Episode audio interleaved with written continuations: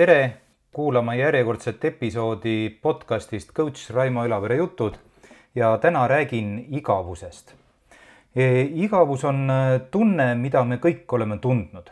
no selge see, et, et enamikele meist on see tunne ebameeldiv. ja miks ma just sellest praegu räägin? E, ehk on see ka tunne, mida me praegu pandeemia ajal senisest enam oleme tundnud ja ma lihtsalt luban etteruttavalt, et ma proovin äh, rääkida igavusest nii, et see poleks igav. igavusega seoses räägitakse sageli äh, dilemmast, kas igavus on hea, kas see on see säde, mis paneb äh, lõõmama meie loovuse või on ta ikkagi, ikkagi säde, mis aga sunnib meid käituma mõnikord viisil, mis paneb nii meie enda kui ka kaaslaste, teiste inimeste heaolu ohtu. me teeme võib-olla tegevusi, mille pärast, äh, pärast tagasi vaadates äh, tunneme piinlikkust. viimased uuringud igavuse kui tunde kohta ütlevad, et äh, tegelikult igavus on nagu signaal, see on nagu märguanne see on märguanne sellest, et see, mida sa praegu teed, pole tähenduslik ning pole ka kuigivõrd köitev, haarav niimoodi vaadates on igavus lihtsalt üks signaal ja signaal ise on ju neutraalne, sel pole küljes ei pluss ega, ega miinusmärki. selle, seega igavusega ei saa otseselt põhjendada, kui me oleme mingisuguse jamaga hakkama saanud. no pärast ütleme, et midagi pole teha, igav oli lihtsalt. Ja see, kas igavus paneb meid tegema tegusid, mis on head või halvad, no see hinnang on juba meie endi ja ka teiste silmades. ehk siis igavus ütlevad teadlased, on märguanne, ta ei ole iseenesest mingisugune selline hea või halb nähtus. millest tekib igavus? ja sellest vastusest, mis ma nüüd ütlen, võib juba kasu olla. psühholoogid ütlevad, et igavus tekib peamiselt kahel põhjusel. esiteks, kui tegevusel puudub või on ära kadunud äh, tähendus. kui me teeme midagi ja me ei adu, miks me seda teeme sellel pole nagu iva, sellel pole pointi, me lihtsalt teeme. tuleb tuttav ette. teiseks põhjuseks on see, kui tegevus ei köida meie tähelepanu. kui selles tegevuses pole põnevust, mängu, emotsioone, on vaid tuim tegemine. jällegi, ka see pole meile ilmselt võõras tunne teadlased ütlevad ka, et, et mõned inimesed on igavusele altimad kui teised täpsemalt on igavuse pool, igavuse poolt haavatavamad äh, kahte tüüpi või kahe käitumismustriga pigem äärmustes äh, asuvad inimesed. esiteks, äh, igavuse tunne võib kergemini endasse tõmmata inimesed, kes üritavad minimeerida võimalikku valu tulevikus.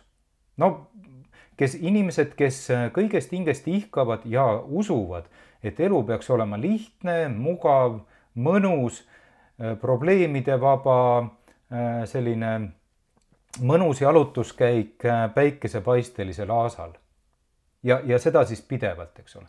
mõni, muuseas, mõnikord on sama tüüpi käitumismustriga ka inimesed, kes ise ehk palju räägivad, kuidas elus on palju asju valesti, et elu on igav, üksluine, ent kes samas suurt ka midagi ette ei võta, et seda enda jaoks põnevamaks ja tähenduslikumaks muuta. Ja teised äh, käitumismustriga inimesed, kellele, keda igavus äh, sagedamini ehk kimbutab, on ähm, need, kes otsivad pidevat naudingut, kelle siht on maksimeerida siis naudingut, kelle jaoks maailm pole lihtsalt ähm, piisavalt põnev, piisavalt atraktiivne, piisavalt vaheldusrikas, sündmusi ja elamusi pakkuv, kes hüppavad ähm, nii-öelda õielt õiele, noh, mõnikord äh, mina olen kuulnud väljendit liblik inimesed et see pole õige, see pole õige, lähen proovin seda, katsetan seda, proovin seda, proovin teist. Mõlemad inimtüübid, kui nii võib nende käitumise järgi neid lahterdada, on nagu ma ütlesin, selged äärmused. nii elukutselisi kurtjaid kui professionaalseid hedoniste on ühiskonnas siiski vähemus. et miks ma need välja tõin Äh, need käitumismustrid ju lähtuvad uskumustest ja need uskumused aitavad äh, siiski ka veidi mõista, et igavus, nagu ka kõik teised tunded, ei saa alguse juhuslikult. ta on suuresti mõjutatud meie uskumustest. Ja muuseas, kui jätkata selle igavuse niinimetatud pahupoolega, et inimestel, kellel on pigem kalduvus, veel kord, just tänu oma uskumustele tunda kergemini igavust on ka need, kes ehk kergemini rikuvad ühiskonna reegleid, näiteks ka praeguseid pandeemiaaegseid äh, sotsiaalse distantseerumise reegleid. ka on nad ja seda ei väida mina, vaid, vaid psühholoogid altimad otsima igavusele peletust sõltuvustest, no alkohol, suitsetamine, lõbutsemine, pidutsemine, sotsiaalmeedia, nutisõltuvus ja nii edasi ja nii edasi. muuseas ka näiteks ülemäärane trennisõltuvus käib siia alla. mida iganes, mida iganes, peaasi, et igav poleks. kas see eelpool räägitu kõik siiski tähendab, et igavus on halb?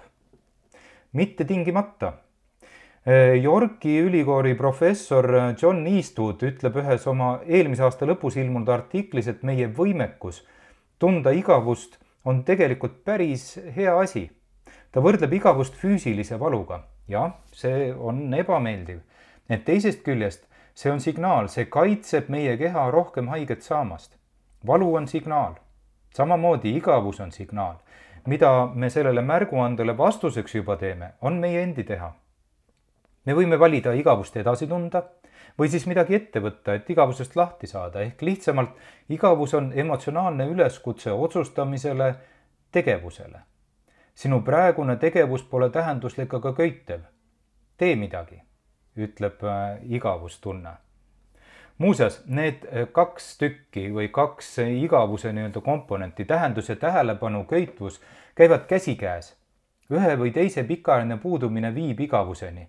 Me võime küll pusida kuu või paar meile olulise sihi nimel, ent kui tegevusest puudub igasugune köitvus, me, me ei saa sealt mitte mingit ka kõige väiksemat e-, eduelamust või, või, või mängulist elamust, siis hakkab kolmandal-neljandal kuul meil lihtsalt igav. no me oleme seda ju ka kogenud ilmselt kõik ja teistpidi, kui mäng on äge, põnev ja köitev, ent kui me mängime seda pidevalt piltlikult öeldes samal levelil, samal tasemel, ikkagi teeme neid samu asju, siis kaotab see mäng äh, ja põnevus kiiresti oma sellise köituse, haaratavuse ning jällegi, see on meie jaoks igav, see hakkab tunduma igav.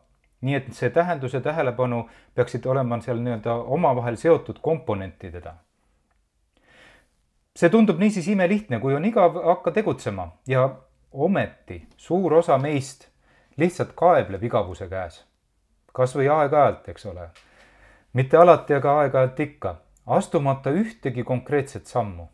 ja probleem jällegi pole selles, nagu ei tahaks me igavusest lahti saada, probleem on selles, et igavuse käes vaevlev inimene äh, tahab küll meeleheitlikult midagi teha, ent ei taha teha midagi konkreetset, see on omamoodi paradoks. Oled ka tõenäoliselt olnud sarnases olukorras, kus üks inimene ütleb, et tal on igav, no tüüpiline, eks ole, lapsed tulevad meie juurde, aga ka täiskasvanud inimesed ja teine inimene siis äh, võib-olla me, meie ise, eks ole, oleme soovitanud või soovitab midagi teha ning esimene inimene sõimab ta selle eest läbi. ja ütleb, et, et, et see kindlasti pole just see soovi, tegevus, mida ma, mida ma tegema peaks, see kindlasti ei sobi mulle ja kohe on olemas ka kümme pluss põhjust, miks just seda konkreetset soovitatud tegevust teha ei saa. midagi nagu tahaks, aga mida ei tea. kõik Äh, tundub nagu ohtlik ja ebakindel ja ebahuvitav ja, ja, ja, ja, ja mitte nii põnev. ja tagajärjeks on see, et otsides seda nii-öelda parimat tegevust, mis oleks siis nii-öelda tähenduslik ja köitev ja põnev ja kõike muud. me otsime seda nii kaua, kuni lõpuks ei võta nagu mitte midagi ette muidugi, igavuse tunde tekkimises on parasjagu süüd ka keskkonnal, sellel, mis meid ümbritseb ja mis teatud moel käituma sunnib või siis käitumist pärsib, valikuid pärsib. jällegi pandeemia ajal ja piirangute kontekstis, kui meie võimalused on piiratud, kui me ei saa teha neid asju, mida me siis tahaks või, või oleme ka harjunud varem tegema, siis on ka igavus kergem tekkima. siinkohal on hea näitena meenutatud palju tsiteeritud eksperimenti, kus üle poolte inimestest oli pigem valmis endale andma kergemat sorti elektrišokki, kui püsima viisteist minutit vagusi oma mõtetega tühjas helikindlas toas. valikut variante oli nii vähe, kas annad šokki või oled omaenda mõtetega viisteist minutit vait, siis jah, üle poolte inimestest valis anda endale šokki.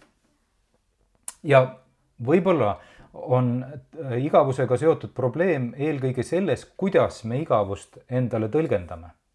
kuidas me sellest aru saame, ehk mis see igavus meie jaoks üldse on ja võib-olla siin on just see võti, kuidas igavusega paremini hakkama saada. me oleme võrdsustanud igavuse olukorraga, kus meil pole justkui midagi teha. Kus meil pole midagi teha. Ning seda tunnet ei taha me tunda, me kardame seda tunnet, me kardame seda tunnet, et meil ei ole midagi teha, meie, meie niisugune olemasolu või, või elu on nii-öelda, ma ei tea, väärtusetu, me ei loo midagi väärtuslikku, eks ole. istume siin niisama ja midagi kasulikku ei tee, eks ole, nagu öeldakse. ja see tunne, et see ei ole õige asi, see on meil sees kasvatuses natuke see on natukene selline lääne ühiskonna kirjutamata reegel molutamine pole aktsepteeritav, kiire peab olema. kiire peab olema, siis ma olen väärtuslik ühiskonnaliige, midagi peab kogu aja teha olema. siis oleme, siis oleme teiste poolt tunnustatud ja nii-öelda head inimesed, väärtuslikud inimesed. ent igavus äkki ei ole see seisund, kus ei ole midagi teha, kus pole midagi ette võtta, mingisugusele tegevusele end pühenduda psühholoogid kinnitavad ja mina väga usun seda, et meil kõigil on tegelikult vaja hetki, kus me ei tee justkui mitte midagi.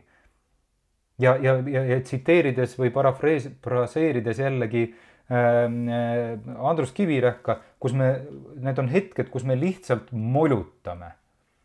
kui meil puuduvad välised stimulaatorid, välised impulsid, mis sunnivad meid, meid, meid midagi tegema. ent see pole igavus. et see pole äkki igavus Need hetked on ju vajalikud selleks, et ennast laadida, et saada kontakt iseendaga, et olla oma mõtetega üksi, et kasvõi ennast lihtsalt mõni hetk kuulata, mis, mis juttu ma iseendale räägin. ja seega võib-olla me ei peaks kartma igavuse tunnet, seda hetke, kus meil pole midagi justkui teha. sellel igavusel jutumärkides jah, nii-öelda molutamisel on oma eesmärk ja see võib olla pigem hoopis positiivse märgiga nähtus. küsimus on selles, kuidas me seda enda jaoks seletame, kuidas me seda tõlgendame. seega, kui tekib tunne, et on igav, siis on võimalusi tegevuseks päris mitu. jah, võib midagi välja mõelda ja tegema hakata. Muuseas, väike soovitus, seda ka olenemata sellest, kas see mõte tundub väga hea või mitte. oluline on lihtsalt tegema hakata, see, see tegevus tavaliselt imeb endasse ja tekitab meile selle, vähemasti alguses selle tähenduse ja, ja võib-olla ka mängulisuse. ja näiteks psühholoogide sõnul on, eh, kui sa tunned igavust, on võib-olla hea hetk hoopis eh, hakata vaatama minevikupilte. psühholoogid ütlevad, et väga kasulik on selliseid sellel hetkel ette võtta nii-öelda nostalgia kergelt nostalgilisi elamusi või, või pildid tekitavad neid emotsioone, viivad meid tagasi ajas nendesse hetkedesse, kus äh, äh, Nendesse hetkedesse, mis tundusid toredad, ilusad, toredad inimesed ja nii edasi ja nii edasi. või teine variant, proovida hoopis tulevikuplaane teha, jällegi garanteeritud äh, lühiajaline õnnetunne, teha plaane, vaadata tulevikku. Ja, ja loomulikult siis positiivseid plaane, eks ole. või siis on ka igavuse hetkel võimalus seda nautida, nagu nauditakse, ma ei teagi, maratonijooksu, hetkel on veidi nagu paha olla või valus, aga ma tean, et see läheb mööda ja sellest kõigest võib mõne hetke pärast sündida midagi ägedat. nii et igavus ei pea olema midagi, mille kae, käes me vaevleme, mida me kardame, vaid äh, see võib olla ka päris niisugune oluline hetk meie elus ja mida me oma, omamoodi moel võime lausa nautida nii et äh, tundkem äh, aeg-ajalt igavust ja ei pea selle üle sugugi häbi tundma või ka selle üle muretsema. aitäh, täna rääkisime igavusest. Äh, need tänane ja siis ka järgmine ja eelmised podcasti osad, kõik on kuulatavad ka Spotify's ja iTunes'is. Järgmisel korral jälle täitsa uued jutud. kuuleme jälle